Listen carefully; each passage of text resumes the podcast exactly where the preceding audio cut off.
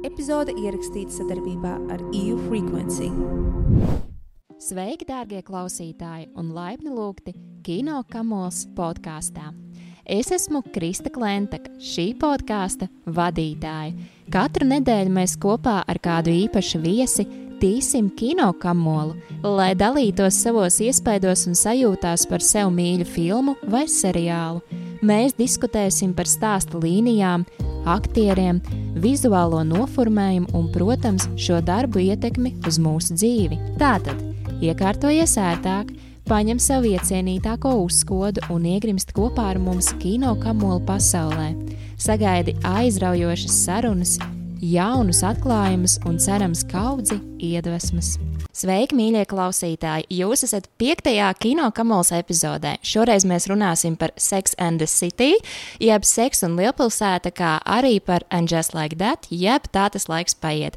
Pie manis šodien ciemos ir Renāte. Un uh, ar Renāti būs ļoti interesanta saruna, tāpēc arī, ka Renātei ir ļoti interesanta nodarbošanās pastāsti. Esmu attiecību un iepazīšanās coach. Jā, kas tāds, kas uh, Kerijai noteikti būtu noderējis. Noteikti. Uh, jā, tu jau man uh, iepriekš stāstīji, ka tev labāk uh, patika And Just Like That Jā, seriāls. jā, ļoti. Jā. Viņš bija ļoti mūsdienīgs par ļoti daudzām mūsdienas aktualitātēm, par visiem, uh, par seksualitātes uh, tām šaubām un pārējām. Un, uh, Arī par kaut kādā ziņā nāvi un turpināšanos, un kā, kā tālāk dzīvot pēc tā visa. Un, jā, man ļoti, ļoti patika. Mm. Un uh, kurš no varoņiem, tavuprāt, vairāk, uh, nu, kā lai saka, vairāk atbilst tavai personībai? Zini, kā hmm, no vienas puses, uh, liekas, ka Kerija pati galvenā varone, jo es arī teiktu, esmu tāds brīva dvēsele, tāda radoša un uh, mīlestības dzīvē ir gājis dažādi pa, šo, pa šiem pāris gadiem. Un, uh, es domāju, ka vēl turpinās iet, kamēr tu atrodi to partneri. Un, uh, jā, tāda mācīšanās no savas pieredzes, es teiktu, ka vairāk iet saistībā ar Keriju. Mm -hmm. Nu, man katrā ziņā, es draugam savam jautāju, mm -hmm. kā, kurš varonis viņa prātā es būtu. Jā.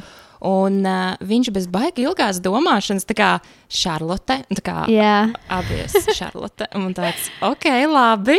Un īstenībā, tagad, kad uh, es aizdomājos, jā, bet vienīgais uh, viņam ir um, nu, pārāk pareizi priekš manis. Mm. Uh, es redzu visādas manieres, Jā. nu, ļoti daudz ko no viņas, kas man tiešām ir. Bet uh, katrā ziņā es uh, sevī saskatu kaut ko no katras varonas, jo man liekas, mm -hmm. ka tieši tā arī tas seriāls ir veidots, ka no Jā. katra ir kaut kāds puzles gabaliņš, ko tu Jā. vari attiecināt uz sevi. Jā. Un tad man noteikti arī ir šī samantas eh, drosme, uh, Kerijas eh, radošums. Mm Mhm. -hmm.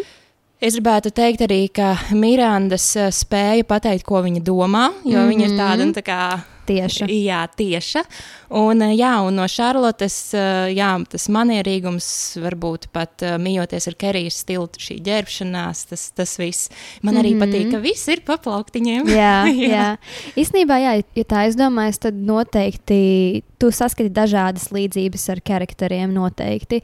Un tas, par ko īstenībā es iedomājos ļoti, ir, kāpēc man arī Kerija kaut kādā ziņā saistīja, ir nu, kā charakters. Mm -hmm. Ir, uh, jo viņai tās vērtības ir diezgan līdzīgas ar manām. Piemēram, arī, ja mēs runājam par uh, partneru dzīvi, es neesmu tas cilvēks, kas vairāk lietas uz ģimenes veidošanu. Mm Mm -hmm. Man ir vairāk tāda, es ar partneri, un Jā. Tas, tas tā šobrīd nekad nevar zināt, kā būs. Varbūt satiks to savu īsto un to liksies, davai, taisam. būs kā Šarlotei, vai ne? jā, jā. Jā, jo viņai jau pilnīgi ir skaidrs plāns. Jā, un īstenībā man patīk arī kaut kādā ziņā es varētu pārtapt varbūt nākotnē par Šarloti, jo viņa adoptēja bērnus. Un mm -hmm. tā arī ir tā doma, ko es vairāk pieļauju, ka, mm Mhm. -hmm. ja es gribētu bērnus, tas visdrīzāk adoptēt arī viņus. Un tad arī bija interesanti paskatīties, kā viņai notikās tā visa audzināšana. Un, uh, un, un, jā, un tad arī tur ir interesanti gāja ar tiem bērniem, jo tur arī viss kaut kas notikās. Tātad Šarlotes bērni. Ko tu domā par Šarlotes bērniem? Jo, manuprāt, uh, man pilnīgi neticās, tā kā, ka tik uh, foršai ģimenei, jo viņas vīrs arī ir ļoti jauks un mm -hmm. viņa arī. Un, uh, un viņa ir rūpējusies visu šo laiku par savu ģimeni, un tagad atgriežas atpakaļ tā kā karjerā. Un man neticas, ka tie bērni var izaugt tik. Uh, egocentriski, mm. jo es, es tajās meitās tomēr uh, saskatu tādu egocentriskumu. Mm -hmm. Viņa, na, viņas nav tik saprotošas, kā man šķiet, ka būtu viņām jābūt. Zini, kā es kaut kādā ziņā saprotu, jo tas ir tas pusauģu vecums, kad tu tik ļoti gribi būt uh, tu un iederēties, un tev tieši no tās vecāku mīlestības un tā, tas respekts vēl nav, kad tu mm -hmm. tikai mhm. pieaudz, kad tu jau sāc iet savā jau pieaugušo dzīvē, tā tu sāc vairāk saprast, tā tu sāc vairāk novērtēt. Un, jo atceries, jā. bija epizode, kā, kur Šarlote uzzina, ka viņas meitai būs uh, seks, jā, jā. un viņa vienkārši skrien Ņujorkā uh, meklēt atvērtu aptieku, jo ir jā, putenis. Es tā mīlēju to, to epizodi. Vienkārši es skatījos, domāju, wow, kā viņa kā karakters ir uh, paaugusies, nu, tādā ziņā, ka transformējusies ar laiku, kad viņa pieņem lietas un sāk nedaudz nu, saprotošāk tam pieiet. Es nezinu, man, man liekas, tik ļoti sirds sildoši, kad mm -hmm. mātei tik ļoti rūp, jo bieži vien bērni jā. nevar saskarties ar to, kad kādam tik ļoti rūp. Jā. Nu, jā, pozitīvais noteikti ir tas, ka viņa mēģināja veidot šīs attiecības ar meitām mm. tādas, ka viņa vispār var pateikt, ka man būs seks, un mums nav prezervatīva. Jo, manuprāt, tā kā lielākā daļa. Nu, kā, maksimāli neko neteikt. Jā. Tas būtu tā kā. Es domāju, tas arī ir tāds ļoti labs, laba aina tam, ka, ja ve, ģimenē ir veselīga vide, tad arī bērniem būs uh, drošāk runāt par to, kā arī tomēr ar laiku mēs, kā jaunieši, jau paliekam tādi nedaudz drosmīgāki. Mm -hmm. Katra paudze paliek ar vien drosmīgāka, Jā. un tad arī vieglāk par to runā. Tur principā parāda to mūsdienu jaunatni, kad viņiem ir vienalga. Viņiem, mm -hmm. Mēs par to tik sociālā vidē daudz runājam un dzirdam, kad um, pilnīgi tas liekas normalizēts ar uh, ģimeni runāt par tādām lietām jau. Jā, jā. Cerams, ka nākotnē nebūs tik traki, kā bija uh, Mirandai ar viņas uh, dēlu, oh, ka tam dēlam bija tā ārkārtīgi saudabīgā draudzene, un viņi ļoti skaļi nodarbojās ar seksu. Un tad man ļoti patīk, ka Mirandai, uh, nu, vīrs uh, Stīvs, viņš tā laimīgais. Tā kā, sūdīgi dzird. jā, likās tik smieklīgi. Jā, tas, tas arī man likās, nu. Kaut kādā ziņā es varu saprast, ka uh, ir jā, tādi jaunieši, kuriem patiešām nav robežu un vispār ir tāds vienalga, bet nu, tas man likās bija pat traku, jo man jā. būtu bail no tādas mammas tik skaļi uzvesties. Jo viņa, Miranda, viņa ir tāda ļoti tieša un, nu, ja viņa jā. nepatīk, tad viņa kaut ko pasaka. Es brīnījos, ka viņa tik ilgi nedaudz mimstinājās un nu, neteica tieši, ka viņai nepatīk. Nu, jā, un vēl arī tas, ka tā meitene, viņa tur kā nakšņoja, nu, dzīvojās, un mm -hmm. tad mhm. viņa ierauga, ka kaut kādi pārtikas produkti ne, varbūt nav gluži piemēroti cilvēkiem, kuriem ir plus 50 gadi, un tad viņi iesaka, ka jūsu vecumā būtu jālieto tādu un tādu produktu, tāpēc, ka mm -hmm. jūs citādāk, jā, jūs esat vismaz jau veci, un jā. Un tas... tad viņai tur krājās, krājās līdz brīdim, ka viņai bija jau viss vienalga un teica, ko domāja. Bet man liekas, ka Miranda ir no tiem tēliem, cilvēkiem, kas ir. Um, nu, tie, kas uh, aktīvi seko līdzi visam, kas notiek seksa un lielpilsētā, es domāju, viņi viennozīmīgi teiktu, ka tas tēls ir uh, And Just Like That seriālā diezgan sačakarēts. Kāpēc mm. es tā domāju? Jo viņa tajā seriālā, Sex and the City, viņa ir, liekas, pilnīgi cits cilvēks, un šajā seriālā viņa ir pilnīgi cits cilvēks. Pazudus kaut kādā ziņā. Jā, jo sti mm. arī Stīvs, viņš vienmēr ir bijis ārkārtīgi mīļš, ārkārtīgi saprotošs. Ja? Un, uh, Un pēkšņi viņam arī ir kaut kādi, kā, nu, es pat teiktu, tā kā selfish moves. Nu, mm -hmm. kā, mhm. tur vēl tā kā varētu saprast, ka ir sakāpināta tā spriedze pa tiem gadiem, esot kopā ar Mirandu. Viņš tā kā beidzot tā kā parāda viņai vidējo pirkstu. Nu, tīri mm -hmm. teorētiski, vai ne? Mm -hmm. Bet, piemēram, par šo uh, Mirandas. Um, nu, arī, piemēram, tā to attiecību, teiksim, sānsoli, uh, ņemot vērā, ka Sex and the City bija šī sērija, kur viņas priekšnieks domāja, ka viņa ir lesbieta. Jā. Un viņa domāja, ha, ja es, piemēram, būtu tāda, tad man būtu ļoti viegli. Jo kā, tam priekšniekam gribējās ar sievu, lai viņiem ir tāds pāris yeah. Eh, pazīstams, kur ir šo citu orientāciju. Un tad Miranda padomāja, man būtu daudz vienkāršāk dzīve, ja es tāda būtu. Un beigās viņa tā kā nobučo to sievieti tajā liftā, un tāds Mm, es neesmu. Mm. Un, tad, un tad pēkšņi, kā, ka viņai ir 50, plus, tad uh, tomēr uh, šāds pavērsiens, un es vienkārši pirms epizodes, um, nu arī pirms citām kino kamolas epizodēm mēdzu lasīt uh, fórumos visādas uh, lietas, ko cilvēki apspriež. Jā. Un uh, cilvēkiem tiešām šķiet uh, neloģiska šī Mirandas uh, transformācija. Mm. Un arī šis, uh, nu, šī, šis kā, nu, viņi grib tā kā justice for Steve. Mm -hmm. Viņiem liekas, kā, ka arī viņam tur diezkas, nav diezgan paveicies ar, ar, ar, ar scenāriju. Jā. Nu, zini, kā, ja mēs runājam par to visu viņa sanāk vairāk skaitītos kā biseksuāli, biseksuāli, mm -hmm. man mhm. liekas, nevis lesbiete. Jā. Jo, jā, kaut kādā ziņā es apmēram varu saprast, kāpēc pirmajā scēnā, kur viņa noskūpst sievieti, viņai īsti nav tās sajūtas. Viņai liekas, ka nē, viņa tomēr nav uh, interesēta sievietēs. Jo dažreiz tas nav tik vienkārši. Tāpat kā tu vari mm -hmm. satikt vīrieti un vienkārši noskūpstīt viņu, un nebūs jau tās dzirkstels, nebūs jau mm -hmm. tā kaisle, kad uh, tomēr man liekas, tās sajūtas jau nenāk tik ātri. Ir tomēr svarīgi, kāds ir cilvēks un vai tā emocionālā sasaiste. Bet tev nelikās tā kā, ka tas uh, nu, varonis, kuru viņi izvēlējās, Jā. viņai tas saudabīgais vārds čēja, tas būtu latviskajiem, uh, kad viņa arī ir ļoti sarežģīts tēls, jo man liekas arī, nu, var redzēt, ka viņa tā kā sākumā mums parāda, ka šis tēls ir tā kā komiķi, kur ir riktīgi smieklīga, Jā. uh, viņa ir, uh, nu, tā kā zina, ko viņa grib un kā viņa grib, un viņa riktīgi močīja, mm -hmm. un viņai arī tur visādas karjeras lietas notiek, un tad viņai tā kā piedāvā veidot šo seriālu, ja nekļūdos par viņas dzīvi. Mm -hmm. Un viņa pēkšņi apjūk, jo viņas tēlu tajā seriālā rāda pilnīgi citādākā ir īstenībā. Viņa nemāca vairs par sevi pastāvēt, un īstenībā viņa ir absolūti trula. Un uh, viss tas, kā viņi sev izliek uz āru, ir tikai maska. Jā. Un, uh, un, un tam visam pa vidu ir nabaga Miranda, kurai īstenībā ir šis burvīgais, manuprāt, mīļais vīrs, Jā. kurš uh, nesaprota, kā Kāpēc tev pēkšņi nav labi, kad mēs ēdam katru vakaru un skatāmies seriālus? Kā, kur ir problēma? Man īstenībā tas ļoti patika visā šajā seriālā, ka viņi parāda to ēnas pusi visām mm -hmm. lietām, kad uh, dažreiz, kad tev liekas, viss ir tik rožēni, tik labi, viņi parāda to visu to ēnas pusi, kas ir pēc tam, ka viss var mainīties tomēr. Un īstenībā man ļoti patika tas, kā viņi atspoguļoja tās. Um, Mirandas un Chase, jā, jā. Čei, -hmm. uh, attiecības, kā viņi iepazinās. Man, vis, man, man tās visas pirmās scēnas, kad es sāku just, ka viņām parādās interese -hmm. vienai starp otru.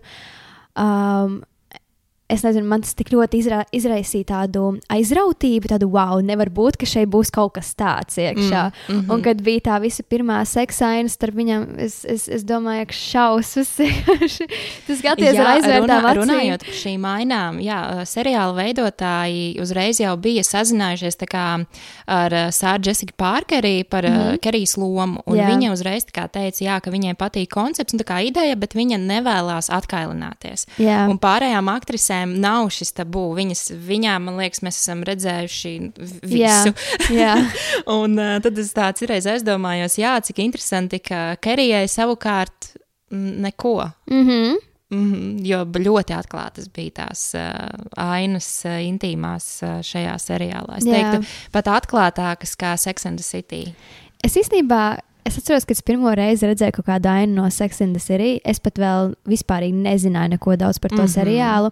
Es biju ļoti jauna un gāju pa televizoru šis seriāls. Es atceros, bija pirmā aina kaut kādā seksa scēna, un es biju vienkārši šokā. Man liekas, kā to var rādīt pa televizoru. Es tik jā. maziņa biju. Ir īpaši, ja rāda samantu, tad tur jā. var visu kaut ko citreiz pat tā, ir seksa šūpolēs. Un... Jā, tieši tā. Man liekas, tad arī bija samantu, viņai bija seksa uz veļas mašīnas. Tad es domāju, ka šausmas, un pēc tā es, nu, seksindas ir jāsacēra kaut ko ļoti patiešām seksuālu, ka mm -hmm, tur ir mhm, tās ainas mm -hmm. un tur neko neslēpj.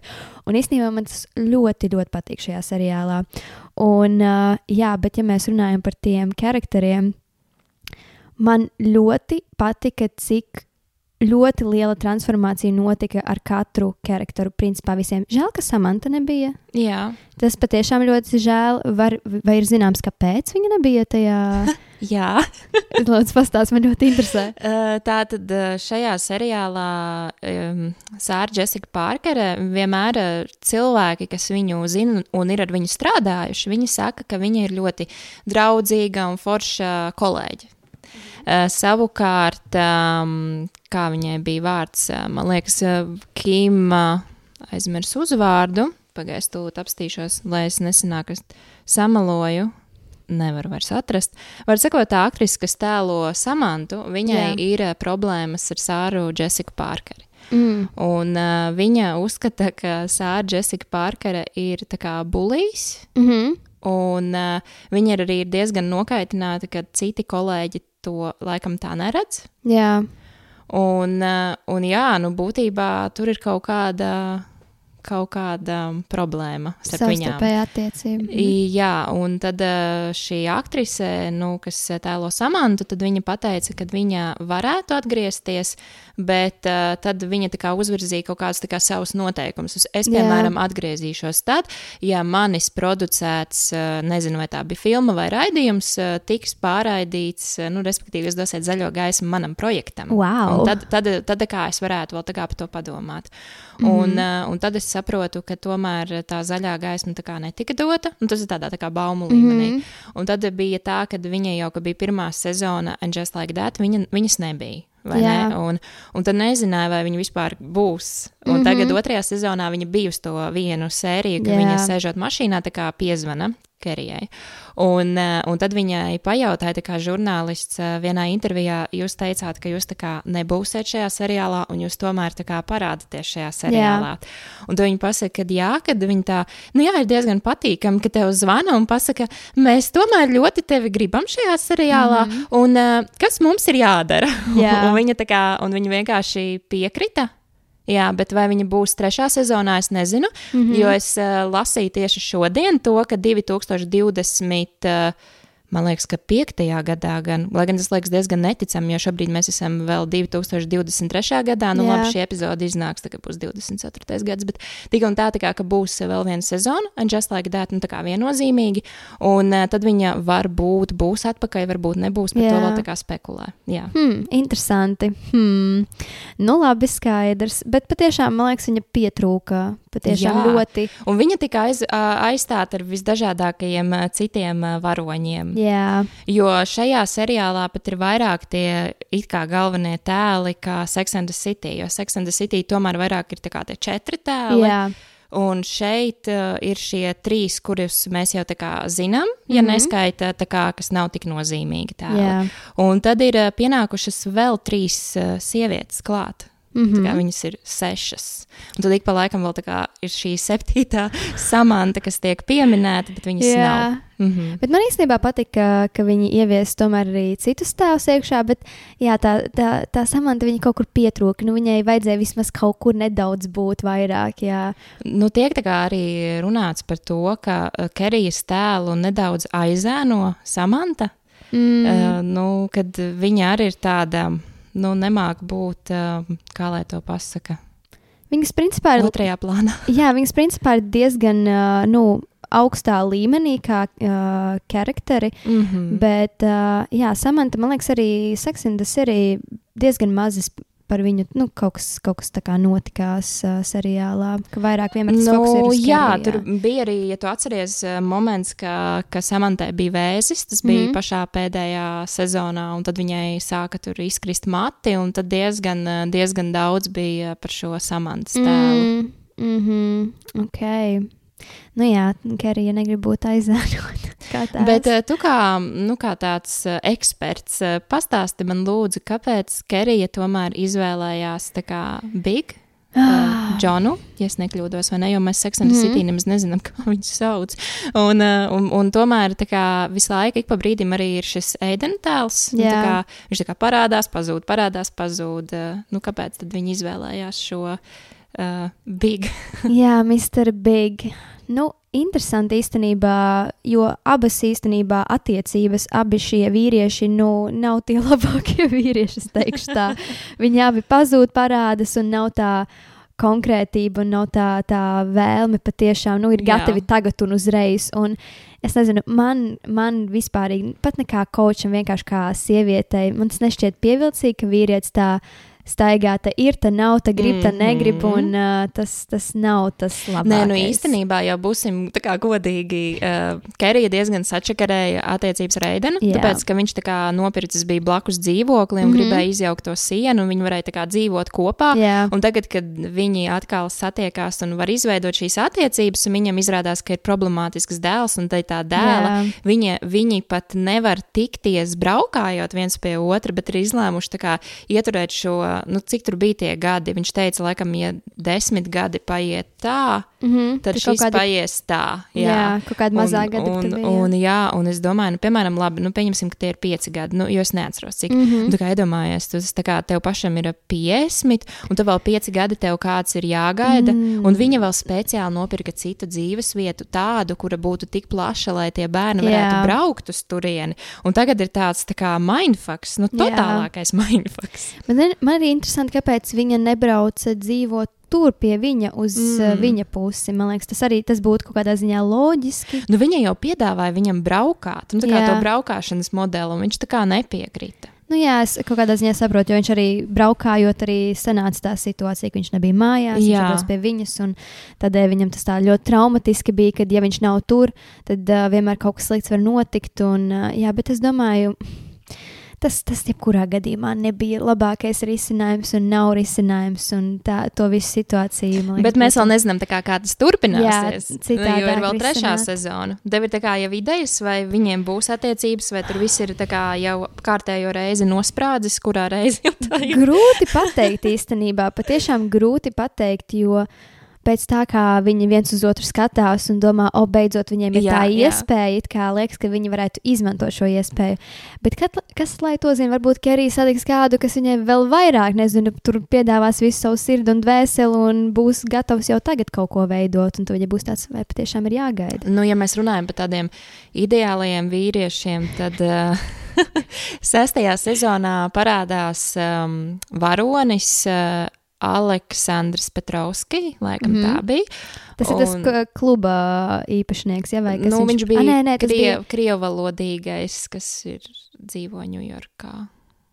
Pagaidā, tas ir. Ā, Viņš bija tā kā mākslinieks, viņam bija tā kā mākslas izstāde, kur bija sieviete, kas nav ēdusi un gulējusi citur tās dienas. Mm. -hmm. Un tad Kerija aizgāja to izstādi ar Šarlotu apskatīties, un viņa pasmējās, jo viņai likās kā, ka stabili, ka tā sieviete tēlo, un tad, mm. -hmm. pulkstenis trijos naktī, viņa noteikti iet pēc savu burgerīšu, un, Jā. un tas ir viss iestudēts. Un tā viņa iepazinās ar šo mākslinieku, jo viņam likās ļoti amizanti, ka Kerijietis liekas smieklīgi. Jā, Jā.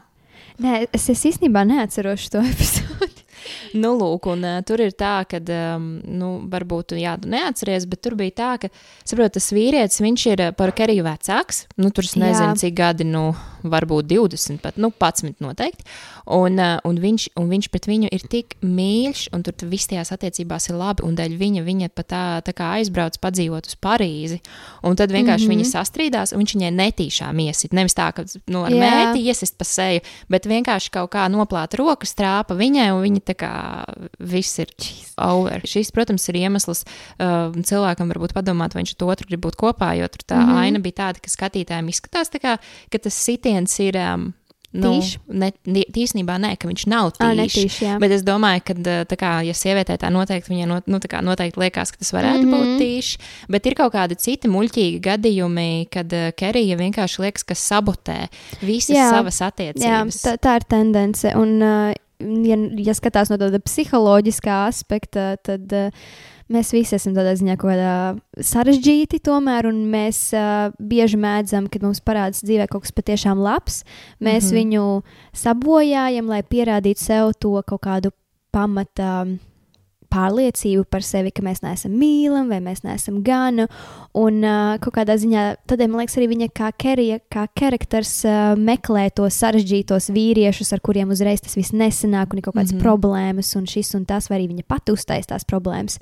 Jo viņai attiecības asociējas, man liekas, ar kaut kādu problēmu, ar kaut kādu šķērsli, ka kaut kas ir jāpārkāp, kaut kas ir. Nu jā, kaut kādas problēmas, kas visu laiku Nu, jārisina. būtībā viņai stabilākās attiecības noteikti ir ar savām kurpēm. Un, Jā, un man ļoti- veselīgākās attiecības. Un man ļoti patika, ka Sex and the City bija tāda epizode, kur viņi aiziet ciemos, un tur bija tā kā, nu, norādījums, kā, ka jāvelk nost apavi. Jā. Apavi ir jāatstāj. Dievs, Un, nabadzīgi. un viņa tagad novelk tos apavus, viņa tā kā smējās, ka viņa pati tagad bez tiem apaviem ir īsa kā midžets, jo nu, tā Jā. aktrise arī nav baigta gara, viņa man liekas, ir ap 1,50 m. Mhm. Un, uh, un uh, tad notiek tā, ka, tad, kad jāiet mājās, tad tās viņas kurpes vairs nav. Vienkārši nav. Un, uh, un tad uh, tā draudzene tā kā prasa, nu, tā kā, ai, es laikam muļķīgi rīkojos. Uh, varbūt es tev varu samaksāt par tām kurpēm. Nu, cik tās kurpes maksā? 100 dolāri, 200 dolāri. Un man liekas, ka arī nosauc kaut ko ap 400, Jā. 450. Es neatceros. Un tad tā, tā draudzene tā kā. Mēs nemaksāsim tik daudz par tavu, uh, da, tavām dārgajām dzīves izvēlēm. Jā. tā kā. Un tad Kerija piefiksēja, ka viņa dēļ tās draudzenes, dēļ visādiem tur baby šauvariem, ā, dēļ kāzām, viskaut kā, ir iztērējusi, nu, toreiz es pareiķināju līdzi, mm, bija kaut kādi 2000 dolāri. Nu, caur visādām. Jā. Un tad un viņa izdomāja, ka viņa darīs tā, ka uh, viņa uzrakstīs vēstuli, nu, tā kā ne vēstuli, viņa tā kā piezvanīja tai sievietei un pateica, uh, ka uh, viņa precās, nu, ka Kerija precās, Jā. un viņai ir nepieciešama, bet viņa precās pat ar sevi. Un viņai nepieciešama ir kāza dāvana, mm -hmm. un lai tā draudzene aiziet uz to kurpju veikalu. Un uh, nopērk viņai kurpes, un viņa tās kurpes izņems. Jā. Un uh, sanāca, jā, ka, kad viņa jau apzinājās, ka visticamāk viņa nu, nebūs tad, tā kā laulībā. un, Nu, Jā. Un tad viņa tā, es gribu tagad savu kāzu dāvanu, tā kā tagad. Jā, ak, Dievs, kas par mahināciju? Rītīgas mahinācijas īstenībā tā ir laba ideja. Varbūt es arī kaut ko gribu. bet, bet nē, es, es domāju, ka es precēšos. Man prieks par tevi. Es ceru arī, ka jūs precēsies. Jā, nu, kad nezinu, bet uh, katrā ziņā. Jā. mm, jā bet, um, kurš varonis no vīriešu tēliem tev liekas vissakarīgākais? Hmm. Tā, ļauj man padomāt. Sakarīgākais. Jā, Man ļoti patīk uh, Šarlotas vīrs. Šarlots vīrs, uh, kuram, uh, kurš ir ebrejs. Jā, es Jā. nezinu, viņš man liekas tāds ļoti jauks un uh, labs. Uh, tāds, Bet viņš arī tāds nestandarts ir pēc nu, izskata, jo tā kā, nu jā, visi pārējie baigie tur smukulīši un vēl sazina, Jā. kas, un viņš tāds nedaudz. Harijs viņam bija Jā, vārds. Harijs.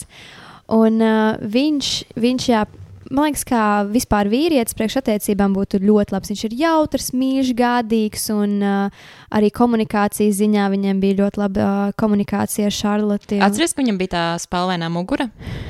Uh, Vārds sakot, tā mugura pēkšņi ir pazudusi. Es nezinu, es varbūt kaut kam neesmu izsekojis līdzi, bet vismaz uh, es ievēroju, ka viņu vienu brīdi bija ļoti spalvaina tā mugura, un tā, tā kā Šarlotē bija problēma, un tad viņš aizgāja uz vaksāciju, un tad Jā. viņam tā kā norāva tur viss nost, un beigās sākās alerģija, un tā mugura palika sarkana. Un tagad es speciāli tā kā sekoju līdzi, skatos uz to muguru, bet viņa Kur ir? vairāk nav tik spalvaina. Jā, varbūt dēļ, tā, dēļ tās vaksācijas vairs neaug tik ļoti tie matiņi, tik bieži jau vaksējas, kad tas neaug. Vai arī lāzera epilācija, tu nevar zināt, ka, ko viņš izdomāja tur starpām.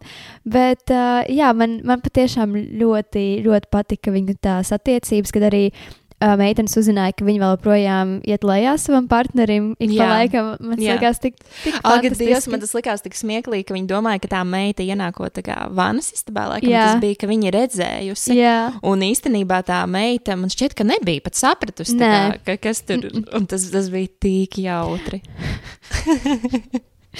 Tā, tā, tās, tas attaisnojums bija tas labākais, jā, kad viņi pārbauda, vai viņam ir kas tur vēzis vai kas tur bija. Jēzi, neko, neko citu jau nevarēja izdomāt. Uzreiz Nē, uz tik, tikai un vienīgi, jā. Bet um, vai tu ievēroji, ka otrajā And Just Like That uh, sezonā pazuda Stanfords? Jā, es pamanīju. Mhm.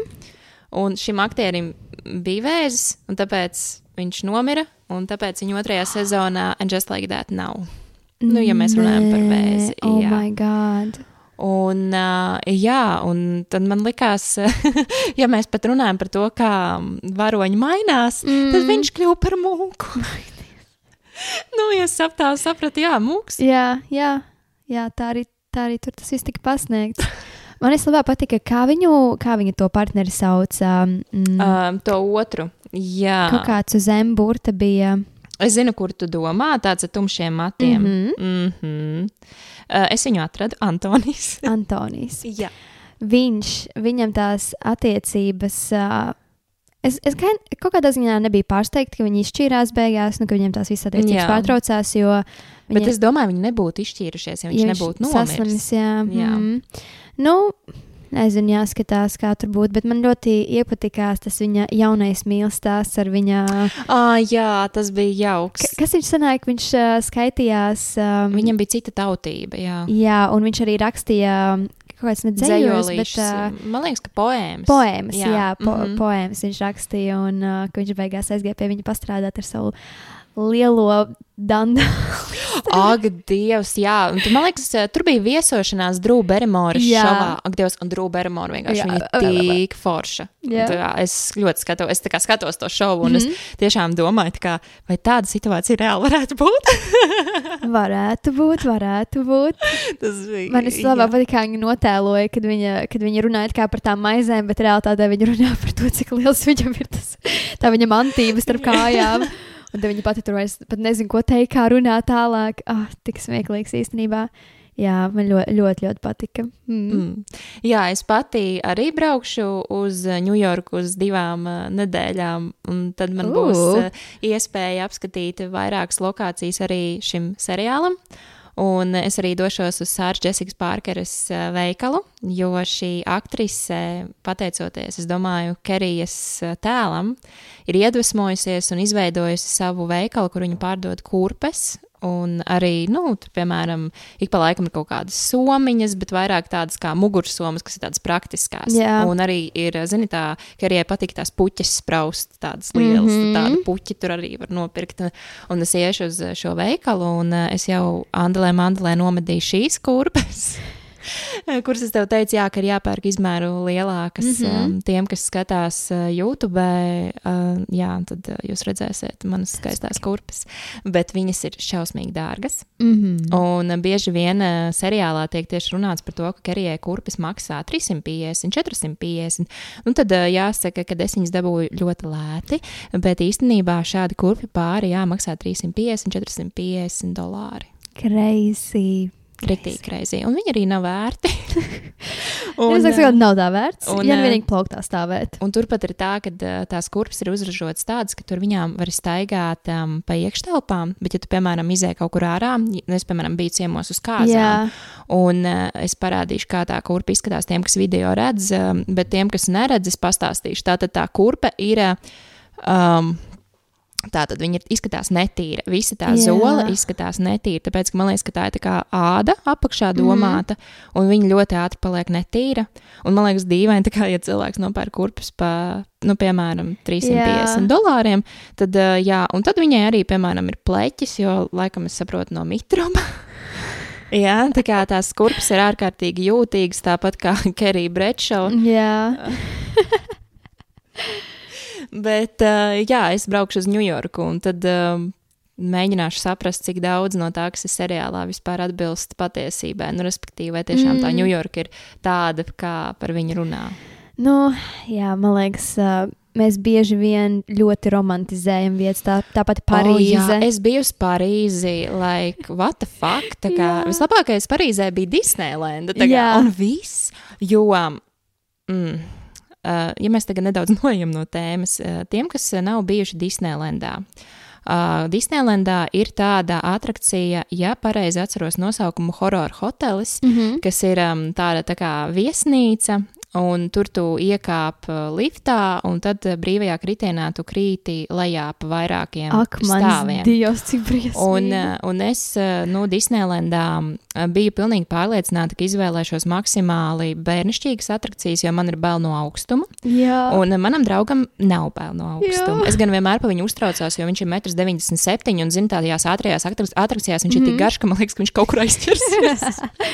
Bet, vārds sakot, un bija tas horror hotels. Un es tagad stāvu rindā. Rindā ir jāstāv diezgan ilgi, nu, minūtes 40. Mm mm -hmm. Un tur priek, priekšā jā, ir bērni, kuriem ir apmēram 4, 5 gadi. jā. Varbūt pieci. Un es skatos, man tāds, nu, nē, ja tie bērni var, un tie vecāki jau noteikti zina, ko viņi dara, vai ne? Tad es arī varu, es arī varu.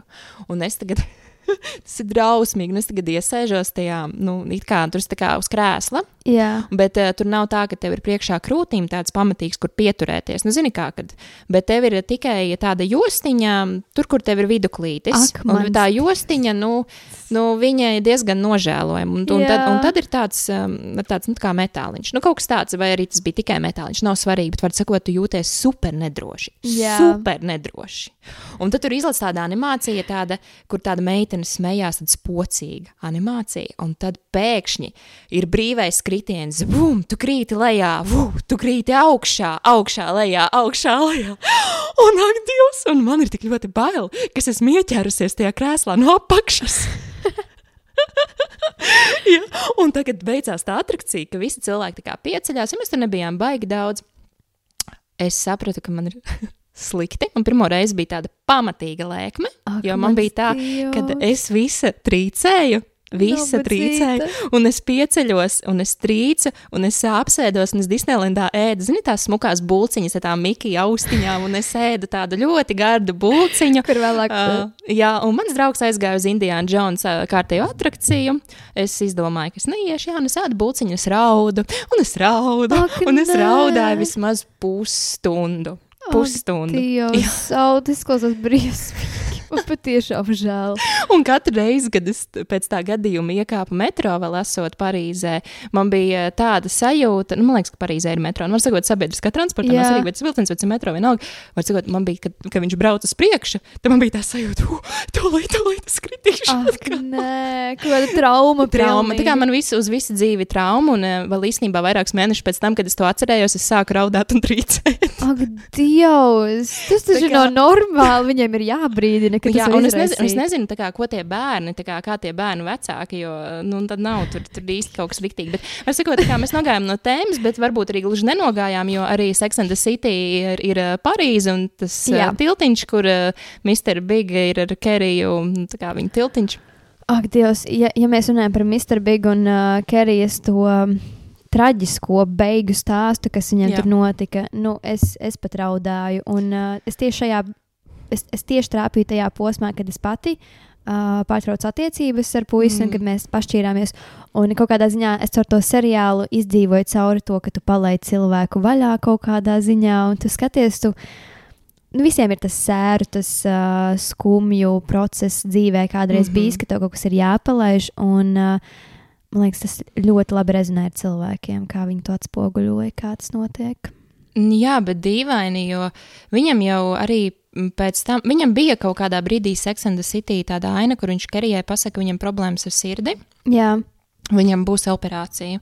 Un viņš tā kā saka, tā operācija nav nekas nopietns un viss. Un, un tad pēc tam kā var redzēt, jā, ka viņš tā kā seko līdz savai figūrai. Bet ka, jā. bet ka viņš tā kā brauc ar to riteni un tā, nu tā kā, man liekas, ka viņam pat trenere bija, nu tas ar to sporta riteni. Jā. Un vienkārši, man liekas, no tās, es pat teiktu, pārslodzes, Jā. tad notika tas, kas notika. Man liekas, ļoti tā kā dīvaini, jā. Nu, zini, kā vīrieši. Parasti viņiem kaut ko iesaka ārsti, ja, vai arī partneri saka, labāk, varbūt nevajag tā. Un Mm -hmm. tad ir vīriešu maksimālisms, nē, es varu, es jūtu, ka es varu, un līdz kamēr tu jau vairs jau nevari un ir par vēlu. Ja tu atceries, tad uh, Kerijai um, bija tāds gadījums ar, ar uh, Džonu, jā, mm -hmm. ka viņš neatnāca uz kāzām.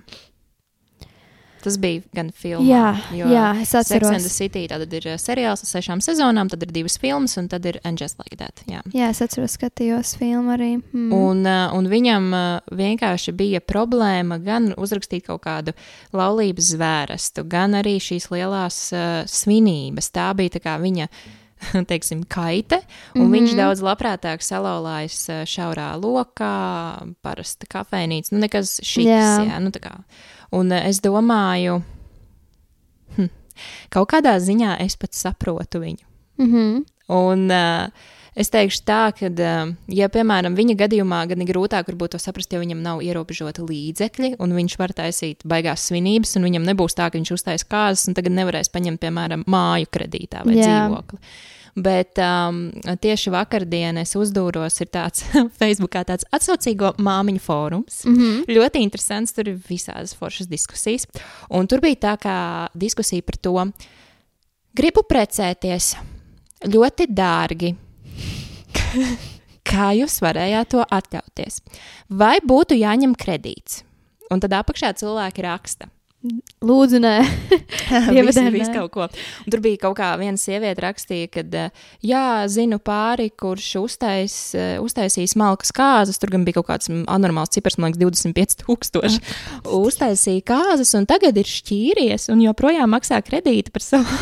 Ak, Dievs, tas ir briesmīgākais iznākums. jā, un no tāda aspekta, jā, nu, redziet, tas, kas manī attur lielām kāzām, ir tas, ka es saprotu, cik liels ieguldījums tas ir finansiāli. Jā, Bet uh, es esmu no tiem cilvēkiem, lai cik es būtu uh, vienalga.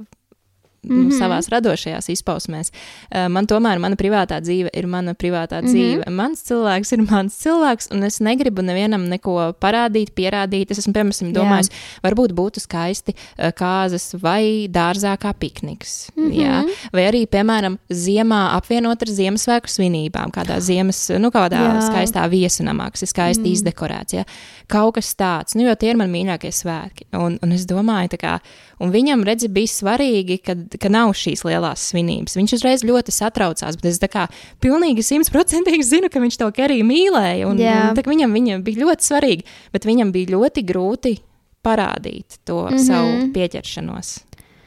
nu, jā tur man liekas, ir arī atšķirīgi tie, tie raksturi, tas, kā viņi, kas, kas viņiem ir svarīgi. Nu, es arī, kad skatījos seriālu, es domāju, nu, tik dažādi cilvēki. Nu, arī viņa ir uh, Jā. pilsētas meitene, viņai patīk glauni, šiki un, un, un tā, ka visi redz un nu, tā kā Jā. izcelties.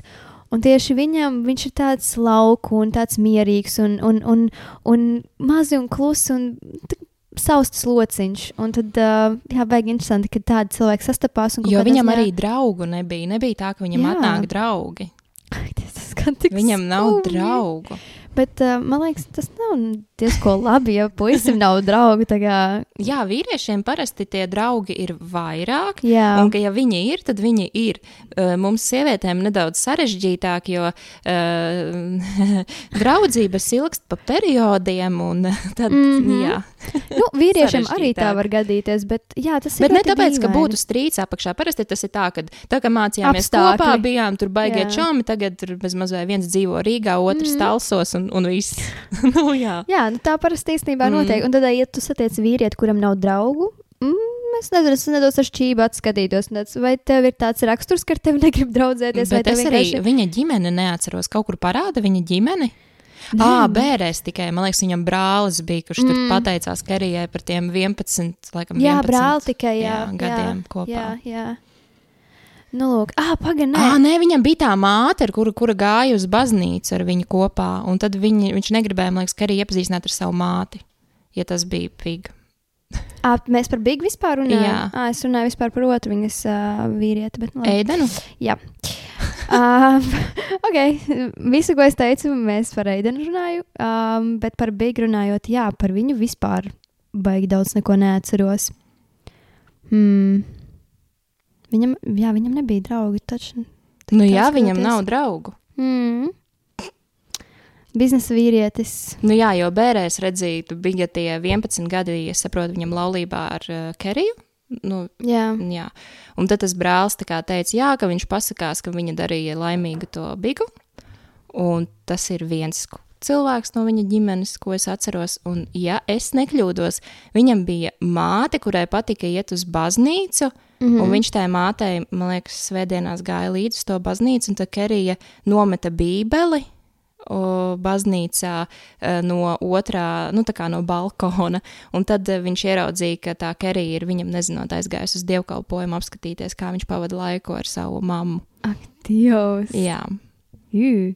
Mhm. Ok, ļoti interesanti. Hmm. Jā. Nu, jā, par uh, Mr. Big man baigi nav ko, ja godīgi tā teikt, runāt. Bet vēl viena tēma, man liekas, bez kuras tagad seriāli nevar vispār iztikt labi.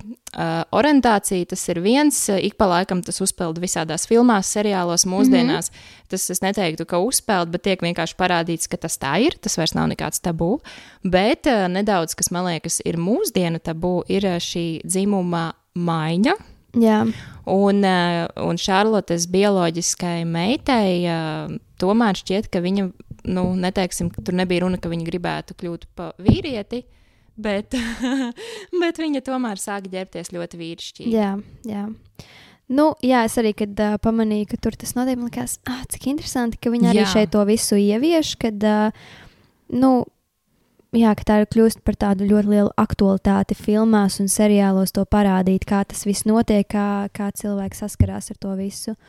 Un uh, man īstenībā, es nezinu, likās interesanti, kā viņi risināja to visu ar skolu, ka skolā to visu normāli pieņēma, ka tur Jā. Jau visi ātrāk zināja par to, ka viņa maina savu vārdu uz uh, rock. Jā, tā Jā, kā- viņa bija tā kā roza un tad Mhm. uz, jā. uz. Un, uh, un uh, interesanti, ka, piemēram, pats, pat, pat, pati meitene, viņa nejūtās ļoti apjukusi par to, kā viņa, kas mm. -hmm. viņa ir un kā viņa jūtas. Viņa vienkārši gāja ar savām sajūtām. Un tad tieši vecākiem tāds, ko mums tagad darīt, vai mums arī viņu tā jāsauc, vai mums ir jāpielāgojas, un tas viss apmulsums, kā vecākiem vispār rīkoties šajā situācijā.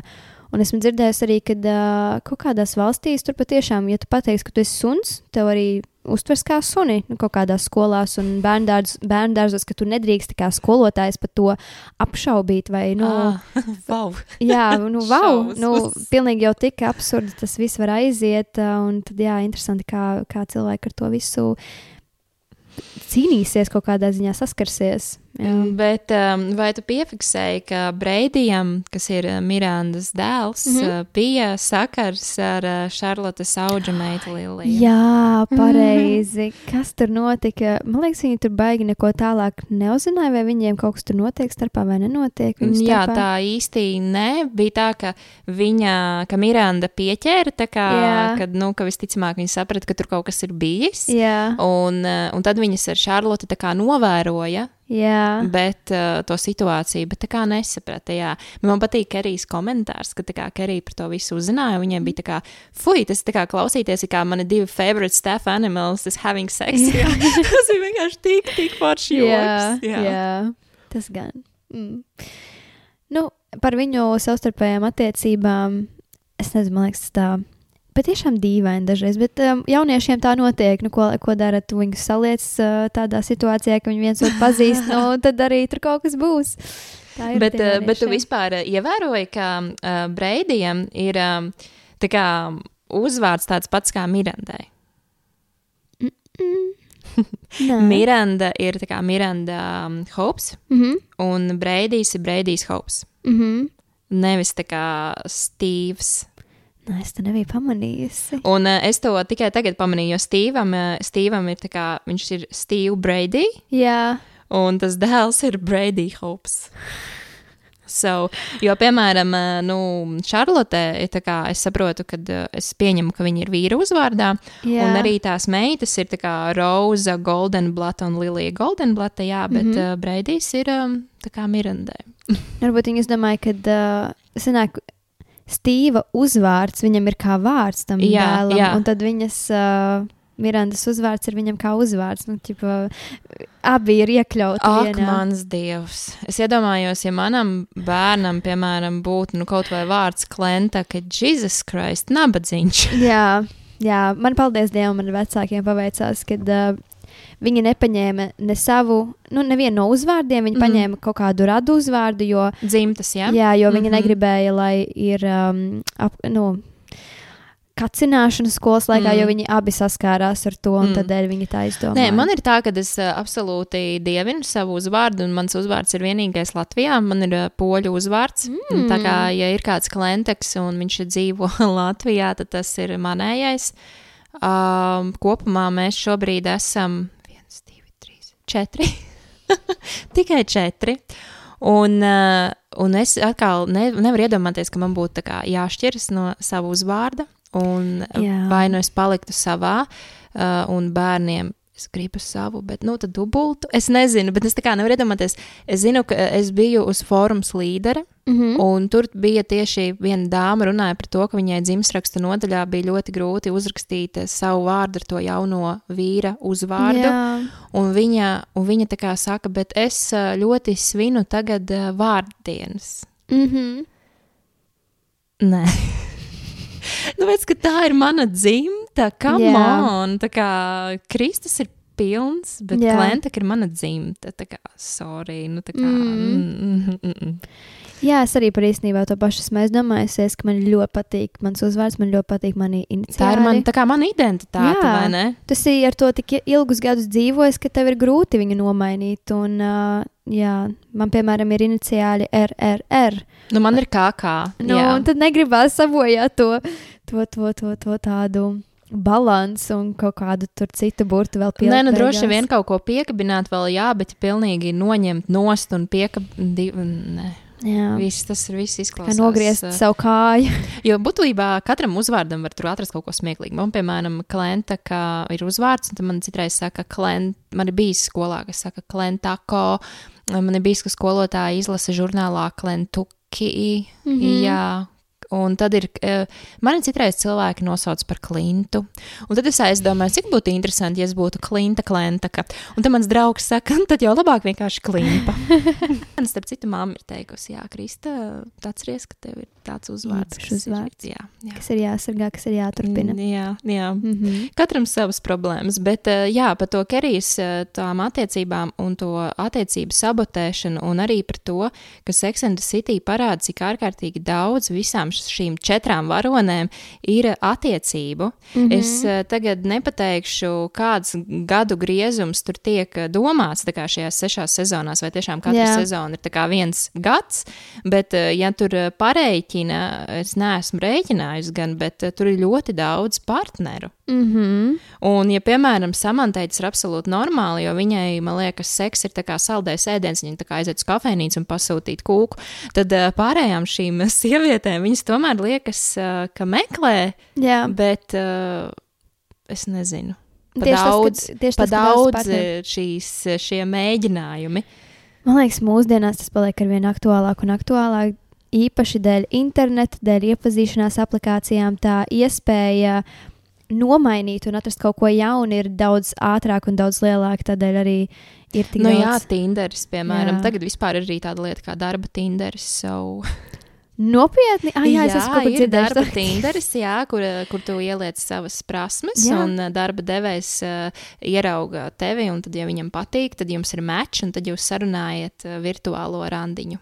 Jā, mūsdienās man liekas tāda ilgtermiņa lojalitāte kaut kam, ka tu nodod to savu uz, uzmanību Tā ir simtprocentīgi. Tā ļoti reta lieta, jā. Jo rēķina agrāk, pieņemsim, no ar tiem telefoniem, vai ne? Viņām arī tas periods, kad es atceros, kad uh, Sex and the City, man šķiet, tā bija pirmā filma, kur uh, Kerija, uh, nu, tā kā, kur neatnāk bija uz kāzām, Jā. un viņai samanta pasniedz iPhone, un tas vēl, manuprāt, bija kaut kāds ceturtais iPhone, un viņa tā kā. Es, es šito nesaprotu. Un viņai, Jā. un viņai tā kā tas Stanfords šķiet pasniedz uh, to atveramo telefonu. Jā. Un, jā, Sex and the City ir 98. līdz 2004. gads. Mm. So, nu jā, Es noteikti gribu atkal nu, no sākuma skatīties līdz beigām un vairāk iedziļināties tajā seriālā, jo tur noteikti ir kaut kādas uh, gudrības, dzīves gudrības. Jā. Tur ir ļoti daudz kaut kādas, piemēram, arī vispār paskatīties patiešām. Ar cik Nu, daudz partneriem viņi piemēram, ir tas, ka Šarlotē arī nevarēja, tā kā, it kā nevarēja būt bērnu. Jā, Un uh, tas tiek apspēlēts, un man liekas, tik uh, svarīgs temats. Mm. Un tas, ka Kerija īstenībā veidojot attiecības ar vecāku vīrieti, tam vīrietim, tā kā tam Petrovskijam, mm, Viņa tā kā viņam pasaka, viņam ir no attiecībām meita, un viņa tā kā pasaka, ka viņa nav pārliecināta, ka viņa negrib pati bērnus. Jā. Un viņš tā kā pasaka, ka tā ir brīnišķīga lieta, uh, tev no tā manis dēļ nebūtu jāatsakās. jā, Un viņai tur parāda, ka viņas galvā tomēr notiek šī doma par šiem bērniem, jo viņai ir 38, viņai mm. nav šo bērnu. jā, Un uh, ir ne tikai sabiedrības spiediens, bet, diemžēl, arī šis uh, bioloģiskais pulkstenis. jā. Un, uh, un, jā, un es domāju, redz, ka beigās atrodot pat to īsto vīrieti, uh, kas ir uh, Džons, nu, Big, mm. -hmm. tāpatās viņiem bērnu kopīgi, nu, viņiem vispār nav bērnu. jā, jā. Jā.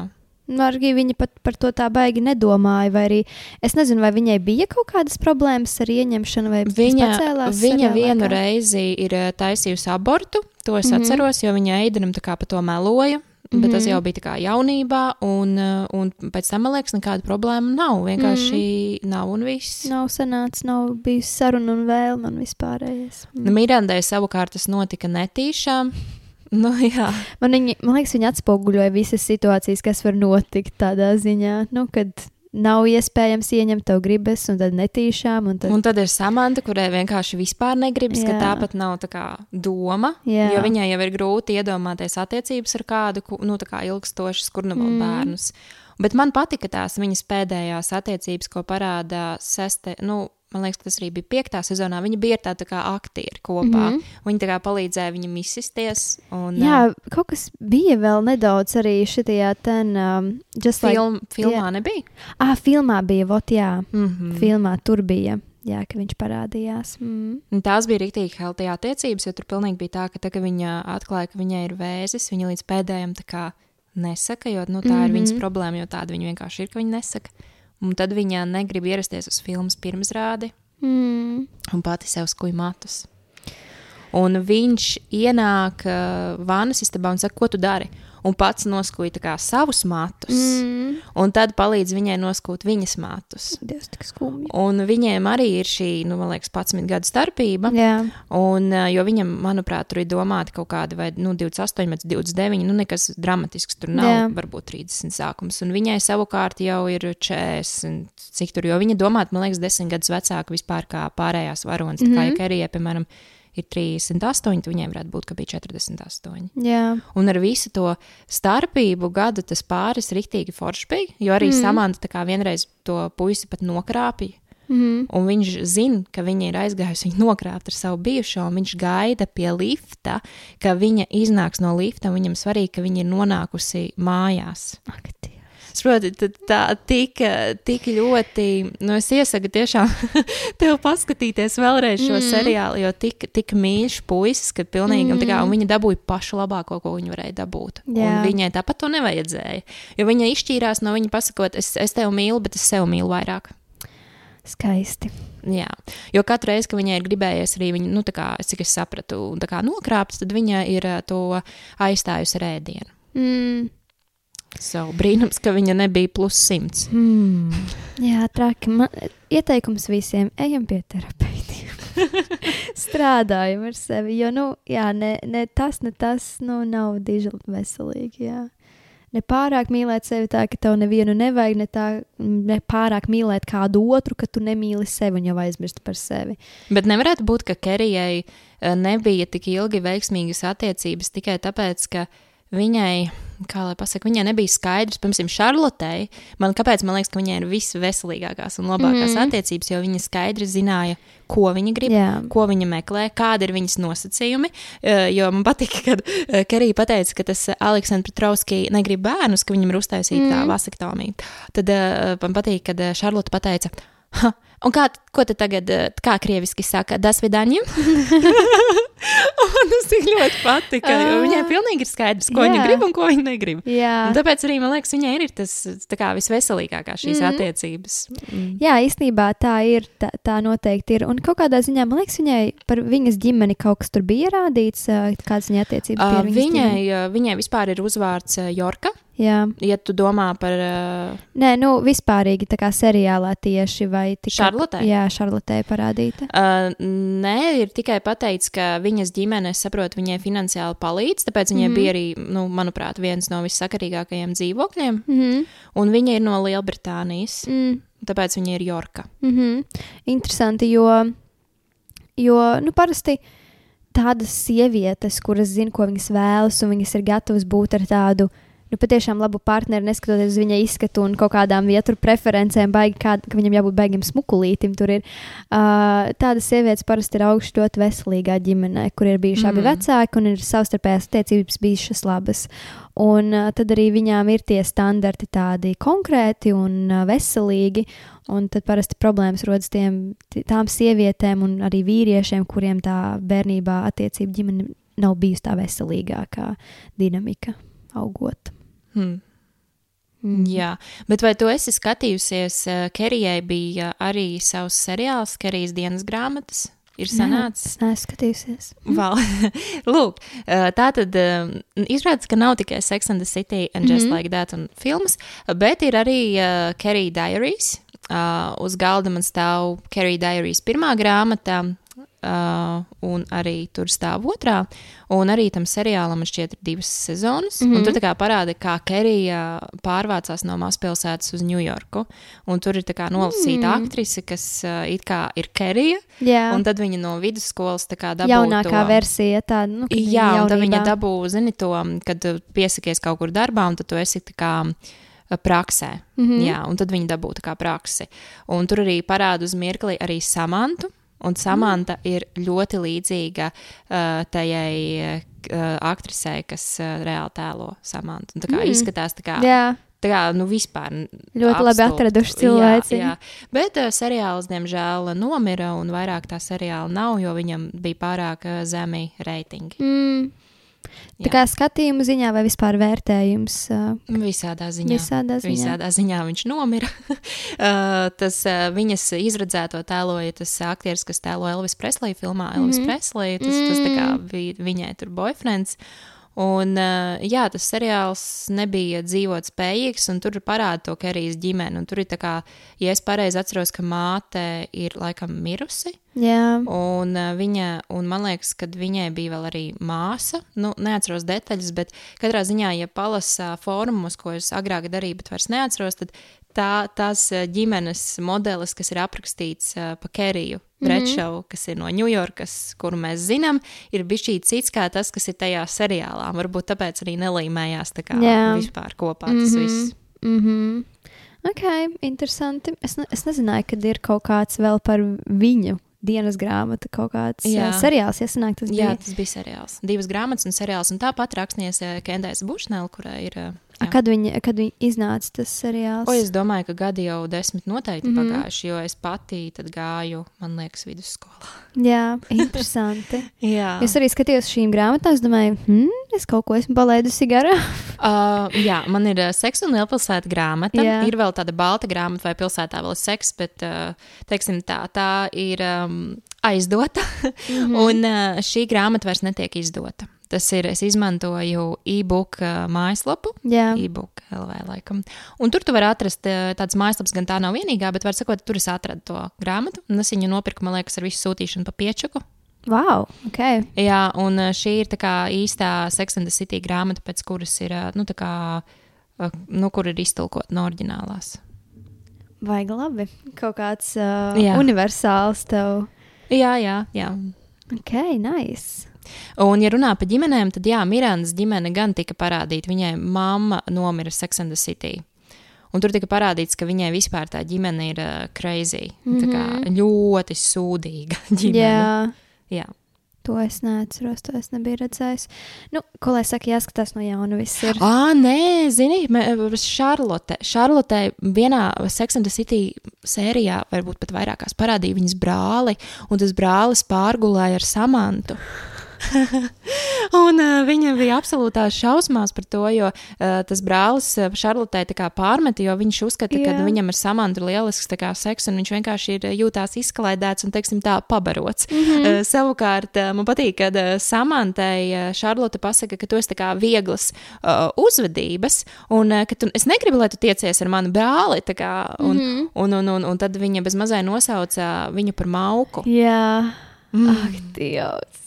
Šī tā pateikt, nu, it kā, nezinu, it kā viņi nezinātu, kāda viņa ir. Ja runājam par samantu, jā, tad uh, viņas uh, ilgākās attiecības bija ar Smitu, un tad pa vidu bija tāds Ričards, ar kuru viņa piekrāpa Smitu. Mm. Jā.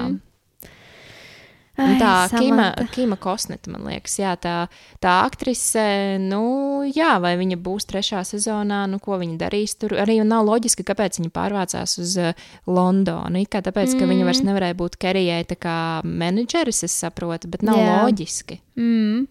Nu, vispārīgi, ja runā par samantu, man ļoti, ļoti patīk, kā viņa atainoja to nevēlēšanos novecot, Mm. kas viņai bija tajā filmā. Tas man ļoti likās smieklīgi, jo man nedaudz atgādināja manu mammu, jo viņa arī ir tāda pati.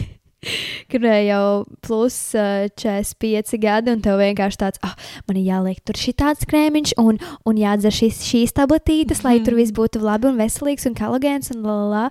Un uh, es, kad skaties, man liekas, ak, Dievs, nu, es domāju, ļoti daudz tādas sievietes, kuras ļoti baidās no novecošanas, var rezonēt ar šo scēnu, kad Nu, jā, jo man liekas, jā. ka tai paudzei, nu, kas būtībā varētu teikt, mūsu vecāku vecums, mm -hmm. ir eh, nedaudz nokavēta šī. eh, Teiksim tā, tad nebija vēl, nu, vismaz Latvijā, Amerikā gan jau bija. Uh, par tiem krēmiem tā nestāstīja. Tagad Jā. visi, visi zina, ka, ja tev ir nu, 25, nu, tad tomēr tev vajadzētu jau sākt domāt uh, par šiem krēmiem ikdienā, lai tu Mm. labi izskatītos, ka tev ir uh, I'm 50 and I'm fucking fabulous. Kā Jā. Samanta saka. Jā. man patīk samanta. Jā, viņa ir lieliska. Jā. Man arī patīk tā aina, kur viņai ir tā kā vēzis, un viņa, viņai jātiek ir pie ārsta. Viņa ir atradusi mm. -hmm. pat labāku, pašu labāko ārstu.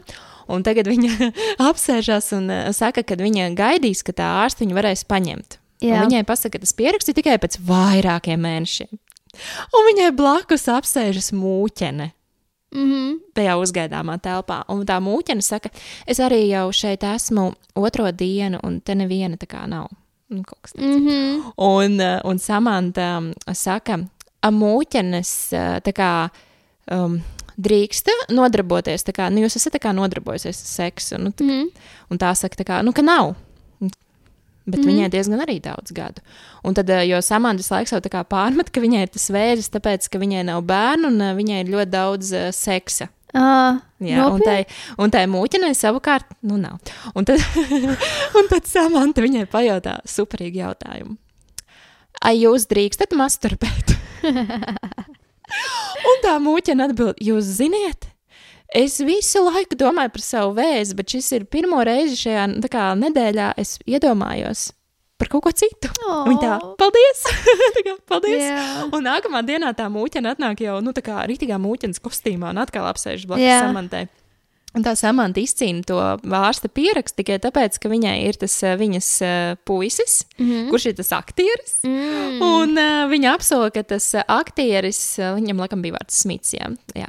un ka viņš nobučos to, kas tos pierakstus veids. Jā, Ka viņš atnāks un viņa tā kā, un, un tad arī paņēma, un tad arī tā kā to mūķeni arī viņa Jā. tajā rindā pavirzīja. Bet tas, jā, kad viņa pilnīgi izmantoja tā kā to situāciju, kad uh, viņa pat veidos biznesu, esot attiecībās. Tā kā Jā. viņa visu laiku kaut ko Jā. izdomā. Ai, es nevaru, nu, es saku, kaut kādas mahinācijas, viņas tur visu laiku izdomā, es klausos un skatos to seriālu, es domāju, ak, Dievs, nu, kur, kur var tāda ideja vispār ienākt prātā, un vai tas reāli Un arī tie strādātu? teksti, vai ne, kas ir uzrakstīti, kā, jo man viņa tai mūķinē teica, ka uh, viņai ir uh, aizgājusi uz, laikam, Miks Džegers, nu, kā, var sakot, kaut kādu koncertu, viņa tā kā, un es aizgāju tam un tam uz koncertu, man viņš patika, un es viņam atsūkāju, kā, un viss. Un, kā, un es kā domāju, kurš šo sarakstu, kā, Jā, vīrieši. Jā, jo sievietes, nu, reti kuras tik ļoti tieši arī runā. Nu, tāpēc viņai arī ar to Richardu nu, varēja būt, eh, kas Seksnē City parādās. Tāpēc, Jā. kad uh, viņš bija tā kā priekšnieks, un tad viņa arī tāda valdonīga. Jo viņš Mhm. viņu negribēja ņemt darbā, tāpēc, ka viņa ir sieviete. Lūk. Mm. Ai, jā, mūsdienas. Jā. Labi, Mūsdienās, man liekas, jau tas vairs nav tik tā O, aktuāli. nav. Mm. Tas joprojām, tā joprojām ir uh, pietiekami liela aktualitāte, bet tas nav tik aktuāli. Un, ja runa ir par feminismu, tā, man liekas, ir gara tēma. Tāpēc, ka uh, ir feministes, ir, ir tādas feministes, kuras reāli virza šo ideju, un tad ir tādi cilvēki, kas sevi sauc par feministēm, bet kas īstenībā čakarē visu to sistēmu mm. un vispār liek ie, ienīst feminismu kā tādu. Jā, Jo mūsdienās, kas 21. gadsimtā ļoti modē, kad jau daudzas lietas nav jaunums, tad tās lietas jau aiziet galīgā, galībā, manuprāt. jā. Mm. Un tad tā, man liekas, būs vēl nākamā gadsimta problēma. Mēs esam vēl labā laikā, mums vēl ir paveicies. Jā. jā, tad tālāk būs jāstrādā daudz ar visu kaut ko. Mm. Bet tev nelikās, ka tā kā And Just Like That seriālā ir tomēr um, kā aizstātas jaunās varonas ar samantu? Jā, noteikti. Noteikti īpaši Kerijas tā Jo bija tāda. māklere vai kas viņa skaitās, kas uh, viņai tās um, dzīvokļus meklē. Uh, bija, bija Šarlotēja no skolas, mm. -hmm. bija tāda Pas- Liza, jā, tā, jā, tāda Liza. uh, tumsnēja sieviete. Mm. -hmm. uh, tad bija tāda, kas ar vairāk ar Mirandu strādāja, jā, tā, tā. Nija. Pasniedzēja viņa bija. Un, uh, un tad bija tā nekustamo īpašumu mm. -hmm. aģente, kas bija tā sema. Jā, tā Jā, sēma. Tā, mhm. tā, tā man likās, ka vairāk kaut kādā ziņā aizstāja um, Samantu. Mm -hmm. Jā, jo Ir īpaši savu seksualitāti, bet viņa mm. -hmm. tomēr atšķirībā no samantas atzina, ja sa, man liekas, samanta nekad tā neteiktu, ka viņa kādu grib, mm. -hmm. bet ā, tā sema bija īpaši ar to, ka viņa ļoti gribēja, bet viņai nebija sanācis. Jā, jā. Tas, tas sieviešu struggles, ā, grūtības ā, atrast to partneri. Jā, man ļoti patika, kā tas tika atainots, un kad uh, nav tas viss tik ļoti laimīgi un būt vienai, un es mīlu sevi, un nevienu citu man nevajag. Jā, jā. Tā ir. Jo, uh, man liekas, ka tā, vispār uh, nu, tas seriāls viņš. Uh, Īsnībā parādīja vairākas jau senās, kā, kas ir Sex and the City lietas, parādīja jaunā gaismā. Mm -hmm. Respektīvi, jo tur arī bija, atcerieties, tā, kas gribēja palikt stāvoklī. Tā bija, man liekas, tā skolotāja, vai ne? Mm -hmm. Jā, Un viņai vīrs bija mūziķis, un tad viņa pārmeta vīram, ka viņam ir kaut kāds sakars ar mūzikā ar kaut kādu sievieti, jā. kas ģitāru spēlē. Man Un liekas, tad viņa negribēja palikt stāvoklī tieši tā. tā. Viņi mēģināja, bet viņiem nesanāca. Tāds mēģināja, bija. viņiem nesanāca, un viņai tas bija liels nu, spiediens vispār. Jā, kad, jā. ā, kad viņai it kā vajadzētu, bet viņa īsti nezinu, kā nesanāk. Jā. Jā, Un tad viņi bija- uzdāvināja bērnu ratiņus. Dievs, tas bija nu, fascinējoši, kā viņas. Vat, vat redzi, it kā liekas, ka nu, pieaugušas sievietes un viņas paliek nobriedušākas un apzinīgākas, bet realitātē pieaugušas sievietes tās pašas uh, 11 gadīgās no vidusskolas, ka tev gribas kaut kādas tur savas mahinācijas un ieriept. Jā, jo, jo viņa teica, es uzdāvināšu viņiem bērnu ratiņus, lai katru reizi, kad viņa viņus stieps un viņai Jā. būs smagi, atcerās par mani. Jā. Ai, tā nu mēs neaugam kaut kādā ziņā. Bet man ir ā, jautājums par um, tātad uh, Stīvs, kad viņš uzzināja, ka Miranda viņu krāpīja. Viņš, protams, tur ā, arī atrada kaut kādu, man liekas, vegāni, mm -hmm. ar kuru viņš ā, krāpa Mirandu. Un tad Miranda mājās atrada ā, prezervatīvu un saprata, ka Stīvam ir savu mm. -hmm. veidu izklaides. Bet viņš, nezinu, vai tā tas arī beidzās, un viņš novilka to laulības gradzenu, bet viņš toreiz bija tāda epizode, kur Kerija Jā, ā, pazaudēja to, nu, viņai iekrīt izlietnē, tas nebija laulības. Viņas, tas bija viņas, jā. Un tad viņš teica, ka viņš savējo savukārt nav novilcis un nevilks nost, jo Jā. Jā. Miranda ir viņa nu, mūža mīlestība, un mm. viņš negrib atvadīties no. Jā. tā gredzena. Jā, es neatceros, vai viņš viņu novilka, bet uh, uh, tas, tas, tas viss, kā viņiem tur tās attiecības beidzās un gāja uz beigšanos. Jo bija arī tā, grūti. ka nevarēja saprast, kurš paliks tajā mājā. Jā, Jā, jo mm. viņi kā pateicās viņam forši, ka mēs nopirkām to māju, jo tagad mēs viņu vispār nevarētu atļauties, jo nav jau nekāds noslēpums, ka no visām tām varonēm es teiktu, ka Miranda ir vissliktāk, nu, tā kā finansiāli Jā. nodrošināta. Ja? Un, uh, un viņš beigās pateica, ka tā ir viņa māja, un lai viņa pati meklē, kur viņa grib dzīvot. Mm. Un es neatceros, kurš tas bija, vai tā nebija Miranda, kas teica, es negribēju šīs laulības, es negribēju šo bērnu, es negribēju šo māju, es neko Mm. no šī visa negribēju, bet es pat neatceros, kurš to pateica. Jā, man liekas, ka viņa, jo tas bērns bija negaidīts, un Jā. Tas viss uh, notika principā apstākļu dēļ. Aizgāja. Bet es īsti nesaprotu, kur bija tā viņas problēma. Jo man liekas, ka Kerija jau arī ar lielisko, nu, ko viņa tādu īpašu darīja. Nu, viņš taču arī smēķēja savus cigārus, viņi tur kaut ko runāja, klausījās tās vinila plates, vai ne? Mm. -hmm. uh, Miranda savukārt ar savu vīru, jā, nu, tur viņi taisīja ēst, un tad skatījās tas, ka seriālu. seksuālais nebija, tā seksa dzīve nebija viņiem.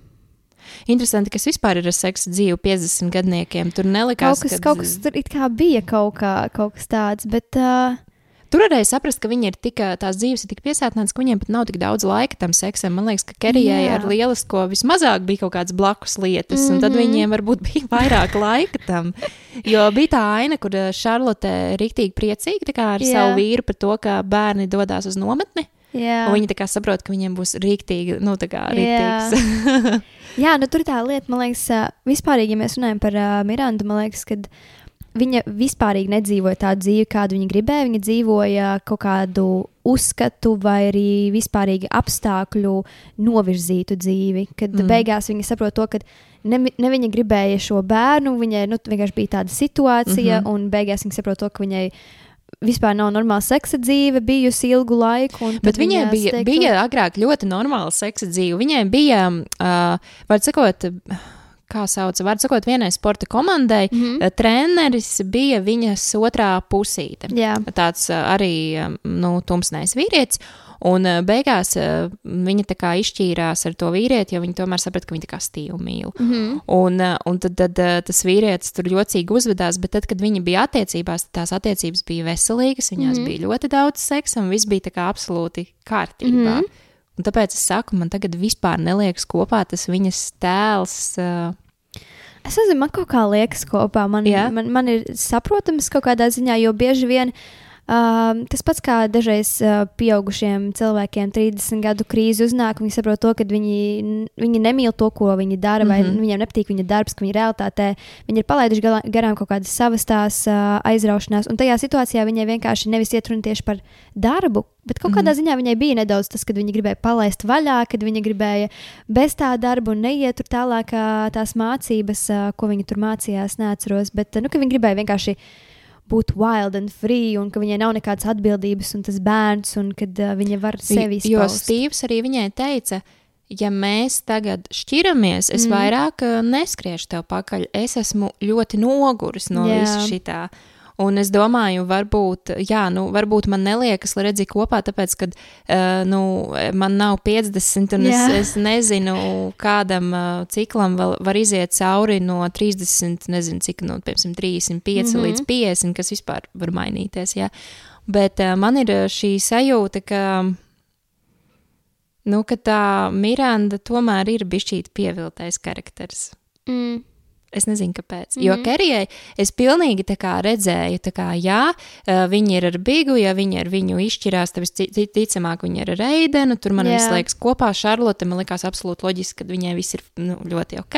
Mm -hmm. Un uh, Samanta, nu, Samanta ir prom, labi, Samanta apvainojās, tas varbūt nav ok, bet Kainda pat tas liekas ok. Jā. Un tad, jā, un tad ir šī, šī Miranda, kura pēkšņi nav tā kā apmierināta. Bet man īstenībā ļoti patika tas, ka uh, bija vismaz kaut kāds uh, varonis šajā seriālā, kurš kuram pilnībā viss krasi mainījās. Nu, krasi, krasi. Bet, ja nu, tu varbūt vari komentēt, kā speciālists, vai nav varbūt tā, ka mums tā dzīve tomēr, ka nav tā, ka mēs darām kaut kādu lietu, pēkšņi tā lieta mūs vairs nepiepilda, nu tad tagad es gribu kaut ko citu, jo tā nebija mana. Vai nevarētu būt tā, mm -hmm. ka tā dzīve iedalās pa periodiem? Mm -hmm. Un viens periods vienkārši beidzās. Viņš jā. neilgst kā citam, varbūt 30 gadus, bet viņš ilgst piemēram 8. Jā, jā noteikti. Un uh, katram tā dzīve vispārīgi, kā mums viņa iet un mainās, ir pilnībā citāda. Ir daži, kuriem patīk rutīna, patīk tas, ka viņi var paredzēt lietas. Viņam patīk, bet, piemēram, man liekas, Stīvs tādā ziņā bija ļoti nu, tāds cilvēks, ka viņam Jā. vajag vienu un visu, un tagad es atslābstu un es vienkārši dzīvoju un es daru savas lietas. Nu, Stīvs ir kaut kas līdzīgāks arī Šarlotei un Šarlotas vīram. Nu, kaut jā, kas no, no jā. tā klubiņa. Laikam, man es arī esmu tajā klubiņā, tāpēc man esmu diezgan apjukusi, uh, uzzinot visādas lietas, kas jā. ir notikušas pēc tiem cik tur gadiem. Jā, jā tieši tā. Un uh, ir, ir tādi cilvēki, kuriem patīk tā stabilitāte, tas, ka viņi var paredzēt palīdzēt.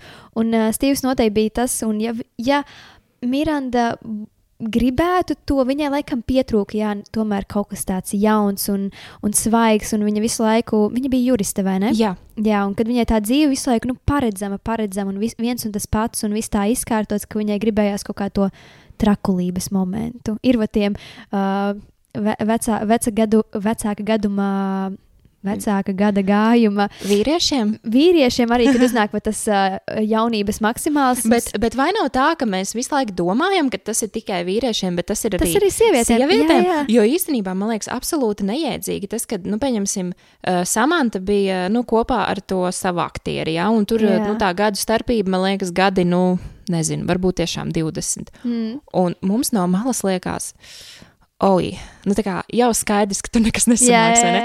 Un, bet, ja vīrietim tā būtu ar sievieti, jā, un, uh, un viņiem būtu šī harmonija un saskaņa, tad mums liktos, o, oh, cik jauks pāris! Jā, tas ir normalizēts vairāk vīriešu pusē. Tas nav saistīts ar, varbūt, ar to mūsu bioloģisko pulksteni, ka mēs nevaram radīt uh, bērnus uh, pēc zināma vecuma, un tad varbūt mm, tā kā uz to skatās citādāk. Jā, īstenībā ļoti daudz, kur arī vīrieši paši sev nedaudz tādā ziņā izrok bedri, kad ir vīrieši, kur izsakās, ah, nu, sieviete plus 30, nu, tas jau vairs nav tā svaigākā odziņa. Ak, jau. mans dievs, man pēc diviem gadiem būs 30, so jā, es jau varu rakt bedri, ak, šausmas. Bet nē. patiešām vecākām sievietēm, kuras ir, ir attiecību meklējumos, ir daudz grūtāk, jo vīrieši mazāk skatās kaut kādu mm. uzskatu dēļ, ka viņi grib jaunāku sievieti. Jo... Bet tas nav godīgi vīriešiem. Jā. Var būt bērni arī, ka viņiem ir 80 gadi. Jā. Cik nav dzirdēts par kādiem opīšiem ar mm. mistisku skaitu ar bērniem. Un, un tad, Jā, tieši tā, tad arī vīri,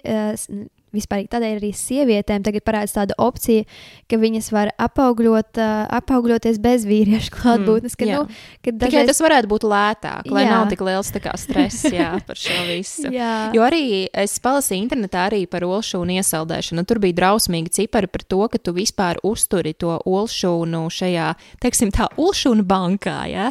Un, Jā. uh, pieņemsim, Dženifer Enistona, viņa bija ir teikusi, ka kaut nu viņai kāds būtu pateicis, nu, Dženifer Enistona no Friends Rachel. Jā. Kaut nu kāds viņai būtu pateicis par šo lietu, jo viņai tagad nevar vairs būt bērnu. Viņai ir pēc mm. -hmm. 50. Jā. Jā, nu, lūk, nu, tādā ziņā man ir ļoti žēl sievietes, kuras ir pēc, pēc 30 un uh, grib attiecības, un īpaši kurām jau ir bērni, jo tas arī mm -hmm. kaut kādiem konkrētiem vīriešiem tā ir kaut kāda papildus nasta, varbūt, jā, un atbildība. Mm. Un, jā, tad ir grūtāk patiešām tikties. Un Tādēļ es arī saprotu to arī Kerijas to mākleri, kas viņai palīdzēja ar tiem dzīvokļiem, kad mm -hmm. bija grūti atrast tādā vecumā Jā. arī attiecības. Grūti tādā ziņā, ka ne gluži attiecības, bet tu nesaproti, vai tas cilvēks grib tikai tā, kā, ka tu Jā. esi smuks, patīkams kompanions, mm. ar kuru nodarboties ar seksu. Jo ja visticamāk, tam vīrietim jau ir bērni. Jā, Vai arī tas ir tāds pats neglābjamais, varbūt romantiķis, kurš arī ļoti meklē un nav Mhm. atradis. Jā, Mhm. Jā ta, īpaši, ja tu esi turīgs ar naudu, kā viņai bija, kad Jā. Viņai ir finansiālais stāvoklis bija ļoti labs. Un tad arī uzplīst tādi vīrieši, kuri grib, lai varbūt tu pat viņu uzturi, nekā viņš tevi ah, ka tu esi tā kā mamma, vai Jā. arī ka tu esi tā kā vīrs. Jā, jā, Šausmas. jā, tas ir. Tas ir trakums, un mūsdienās tas tiek ļoti aktualizēts. Jā, kad jā. Tie Man ir nepopulārs viedoklis. Man ir līdzīgi kā Merlinē Monro. Man, eh, man netraucē vīriešu pasauli tik ilgi, kamēr es tajā varu būt sieviete. Mm Mhm. -hmm. Un man ārkārtīgi patīk īstenībā, vai, eh, nu, ka vīrietis eh, spēj savu sievieti materiāli nodrošināt. Tas, tas nav, nav stāsts par to, ka man vajag kaut kas ap, absolūti absurds kā sugar mm -hmm. daddy vai kaut kas tāds. Nē, protams, es gribu līdzās jauku, mīļu, saprotošu savu cilvēciņu, jā. Un man uh, arī tāds ir. Bet uh, es, nu, man patīk, ka tas vīrietis tomēr, kā citiem, es citreiz mēģinu šo paskaidrot, ka viņš ir mans lācis. Jā.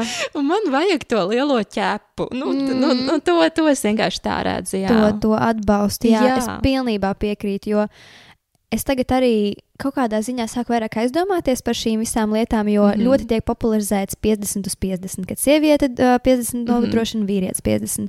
Un uh, visa šī jautājums, kurš par ko maksās randiņos, vai arī nu, kā tagad vispārīgi tā, Mhm, mhm. to kopdzīvi, kopdzīvi veidot. Mhm. Un ļoti tiek popularizēts tas, ka uh, katrs maksā par sevi. Mhm. Un es klausos, man tāds, jā, es kaut kādu brīdi piekritu tam, man tas likās. Uh, Nu, jā, bija vienādi pelna. Jā. Var, nu, tad jā, Jā. jā, bet ja vīrietis, piemēram, vairāk pelna, tad, manuprāt, Mhm. viņam ir vairāk, attiecīgi, vairāk procents no Jānodrošina. sevis jādod jā, šai Jā, dāmai. nu, tieši tā, tur, tur, tur ir tik daudz dažādi skata punkti, mm Mhm. -hmm. kā tas varētu strādāt un kā tas nevarētu strādāt. Bet, jebkurā gadījumā, es pamanīju to, ka uh, vispār tagad tiekoties, ejot uz randiņiem ar vīriešiem, reti kurš ir vispār finansiāli stabils. Reti Jā. kurš ir uh, finansiāli labi nodrošināts, kad mēs varētu domāt, piemēram, par bērniem, par nākotni un tam līdzīgi. Nu, labi, ir dzirdēts par tādiem, kur vecāki, nu, piemēram, tētis Mhm. nodarbojas ar kriptovalūtu. Jā. Tad dēls ir vienkārši fancy. Jā, nu, bet tā nav Jā, tava bet- nauda, tā ir tava tēva nauda. Jā, jā, jā. Nu, un vēl ir dzirdēts par gadījumiem, kad es savos 20 uzcēlu māju. Oh. Tēva naudu. Nu, tur tā, tā lieta, jā, tādēļ. Uh, Nu, tagad atrast vīrieti, kurš labi pelna un vēl ir gatavs. Uh, Zinām, tev tu vari būt no tās labās ģimenes, bet nu, tad Jā. vismaz dari kaut kādu lietu, Jā, jā. vai ne? nodrošini sev to, ka, nu, ja tev nebūs to vecāku, nu, labi, varbūt tev paliks kaut kas tur kā īpašumā un tam līdzīgi, bet tāpat, nu, kad tev ir savs. Man ir kaut kas interesants, ko pateikt. TikToku uh, vienu baigi interesantu redzēju. Tātad, iet vīrietis pa ielu. Viņam klāt pienāk YouTubers. Nu, kā tas tagad ir modē, nu, Jā, teiksim, jā. vai TikTokers nav svarīgi. Un viņš viņam prasa, ar ko jūs nodarbojaties? Uh, ne ar ko. Um, jūs esat kā tur, nu, turīgs. Jā. Nu, ka jā, nu, tā kā piķis ir, viss Jā. rulē. Labi. Uh, sakiet, no kurienes jums ir nauda? Jā. Manam tēvam ir nauda. Ok. Uh, ko jūs, uh, nu, vispār šī projekta ietvaros, mums ir uh, nu, ideja tāda, ka mēs prasām, ar ko cilvēks nodarbojas, un tad attiecīgi arī prasām, ko viņš iesaka pārējiem Jā. citiem cilvēkiem. Nu, tā kā viņš iedvesma? Es iesaku jums tērēt tēva naudu, un vispār, nu, kā es iesaku, ka nodarbināt tēvu. Nu, tā kā doma bija tāda, viņš teica, nevis tērēt tēva naudu, bet nodarbināt tēvu. Un, um, un tad viņam prasa, nu, cik ilgi tas tēvs viņu nodrošinās. Jā. Un, Mums ir vienošanās, ka tik ilgi, kamēr man apniks šāds dzīvesveids, un jums jau ir apnicis, nē, nav, un izskatās, ka neapniks. Ak, mans dievs. Es domāju, lielākā Latvijas daļa gribētu šādā ģimenē piedzimt, kur ir tāda iespēja. Jā. Jo, jēziņ, nu, jā. Tas noteikti bija ārzemēs, jo Latvijā šādu gadījumu, jā, gadījumu ir ļoti ārzemnieks, jā. grūti atrast, kad kāds varētu. Nē, nu tagad es eh, lasīju, ka lētāki paliks eh, dārzeņu un, aug, un augļi laikam. tad jā? jau mēs izdzīvosim kaut 12%. jā. Ja mēs kaut kā izdzīvosim šeit, Latvijā, nu šausmas. Un runājot par kaut kādiem absurdiem, tad tikko es atcerējos, bija tas absurds, ka uh, Kerija teica, uh, nu, viņai pie mājas bija. It kā, nu, teiksim, viņas prāta vistas, bet Jā. gaļi bija. Un mm -hmm. Mhm. viņa nevarēja naktī gulēt, jo viņai bija mm, veterinārā klīnika vai kaut kas tāds. Un viņa kad iet sūdzēties. Man traucē tās vistas gulēt. Un tā sieviete, vistas? Nu jā, nu viņas ķērts. Ā, jūs domājat gaļus? nu jā. Jā, pilsētas meitenes, nu ko lai es saku. Un Amerikā, diemžēl, cilvēki tiešām nezina, kā, kā izskatās kartupelis. Ah, kaut kādā ziņā labi, ka mēs esam dzimuši Latvijā, jo mēs Jā. neesam tādi tupeņi. Mm, Tiešām, jā, diemžēl. ā, Kaut nu es varētu vēl tev visu kaut ko šodien pastāstīt, jo epizode ir jau gara. Jā. Bet ā, runājot par ā, Ameriku un amerikāņiem, nu tagad es tur aizbraukšu, tad zināšu vairāk. Mhm. Bet uh, man pazīstami cilvēki arī dzīvo Amerikā, un tiešām tā Amerikas cilvēka domāšana ir pilnīgi citādāka, un tur ir lielāks šis naivums. Un tev arī Mm. ļoti daudz ko iestāstīt viņam. Nu, piemēram, iedomāsimies, ka uh, nu, neiet teļuks, un viņš grib, lai tu salabo. Nu, un tad var gadīties, ka tu pasaki, ka nevar salabot, un viņš arī noticēs. Oh, wow. Latvijā šeit tas nestrādās. Jūs tāds, ko, kā, kā, nestrādās, remontēsim kopā, jā, YouTube paskaties. Jā, jā, nē, nē, tur, tur viss ir slikti. Un vēl arī tas, ka viņiem jau nav arī vārda dienas, viņiem tikai dzimšanas dienas, un tās dzimšanas dienas ir ļoti, uh, nu, tādas, um, kā lai pasakā, hardcoreīgas. Ah, mm Jā. -hmm. Un, uh, nu, jā, man liekas, amīšiem nav, jo britiem noteikti nav. Viņi nezina, kas ir name day. Man tā kā prasa, name day? Kas ir name Es reāli nezināju šo, kad uh, viņa nesvin vārdu dienas. jā, jā. Wow. Un arī, un arī e, es biju satikusi Anglijā ā, vienu, vienu sievieti, mēs papļāpājām viņam no Japānas. Mēs tagad mm. -hmm. ar draugu rādām bildes un rādām silto sushi. Varms Jā. Sushi? it's a thing, like, kas tas ir? Jā, es, Viņa es, nezin, es kas dzirdēju, ka Japānā viņi netaisa tādu siltu Jā, suši. jā. Tas nav viņa izdomājums. Mums ir gan siltais suši, gan vārdienas. Mums ir viss lieliski, un televizors mēs paši varam savus Jā. salabot. Jā, latvieši. Uh, Man noteikti būs interesanti otrajā kino kamula sezonā. Es gribēšu vēl, es domāju, ka parunāt par šo seriālu, Jā. jo es būšu bijusi Amerikā. Es divas nedēļas dzīvošu Amerikā. Uh, Un, uh, ņu, nu, netālu no Ņujorkas. Izrādās, ka Ņujorkā ir tāda Rīgas iela. ko nopietni? Jā. Rīgas iela. Jā, wow. es, es divas nedēļas, neko vairāk neteikšu, bet es divas nedēļas dzīvošu baznīcā. Ak, Dievs, cik interesanti. es vēl neesmu gan kristīta. Varbūt Ok. atbraukšu nokristījusies. Es nezinu. Beigās Tur ir vispār. latviešu draudzene, jā. Un tad uh, man tā sanāca, ka, nu, jā, piedāvāju, un es divas nedēļas. Nu, es tā saprotu, ka es dzīvošu baznīcā, bet uh, precīzi Superīgi. nezinu. Nu, Rīgas iela Ņujorkā iedomājies. Uz Rīgas ielas vēl baznīcā. Tas būtu vispār tāds komplekts. Jā, nu, tas ir tas tā kā privāta māja rajons, kur ir Jā. jā. baznīca. Tas arī ir interesanti. Viņiem ir tāda tā kā privāta, nu, normāli, ja privāta māja mm -hmm. rajonā ir baznīca. Tas tā kā ir. Hmm. Nav tā kā mums, ka tie iebrauc kaut kādā pilsētiņā, un tu tur katrai pilsētiņai tur savu baznīciņu un tā, bet. Mhm. Jā, Okay, nu, es ceru, ka to ļoti labi ies tavā ceļojumā. nu, es jau atlieku naudu somām, mm, iespējams, kurpēm, un tai, tai puķē, ko var piesprāst, tā kleitas un, jā, un viss kaut kam citam. Labi, paldies, ka tu pie manis ieradies. Varbūt tu kaut tev. ko vēl gribi pastāstīt. Uh, es laikam negribēšu neko pastāstīt. Es gribēšu pastāstīt to, ka ir jānoskatās vēlreiz no sākuma. Uh, varbūt, uh, varbūt kādam, klausoties šo visu, radās iespējas, ka viņam ir nepieciešams. Um, Nu, tā teikt, attiecību pa, Palīdzība. palīdzība. Tu varbūt vari kaut kā sevi uh, noreklamēt, Noreklamēt. kur, kur Mm, tevi atrast. un tā.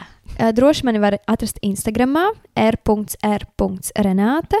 Un uh, jā, tur arī būs sīkāk visa informācija. Noteikti, kad tu izlaidīsi šīs uh, epizodes, tad jā. Jau arī būs atsevišķi Instagramā highlightos, atsevišķi par coachingu, visa sīkākā informācija. Jā, tad droši var nākt ar jebkādu attiecību jautājumu. Iepazīšanās, seksa tēmas, viss ir uh, Un var arī Brīvi. tā kā mierīgi nākt uh, divatā vai viens vai kā. Labāk viens. Esmu Labāk viens? vairāk uh, viens pret viens. Tas ir mm. -hmm. visefektīvāk, un uh, jā, tas ir tas, kā es strādāju. Labi, jūs noklausījāties piekto kino kamols epizodi. Ar mani šodien kopā bija Renāta. Yes. Vēlreiz liels tev paldies! Un mēs runājām par Sex and the City un arī par seriālu And Just Like That. Tiksimies citā kino kamols epizodē. Paldies! Čau! Paldies! Tā!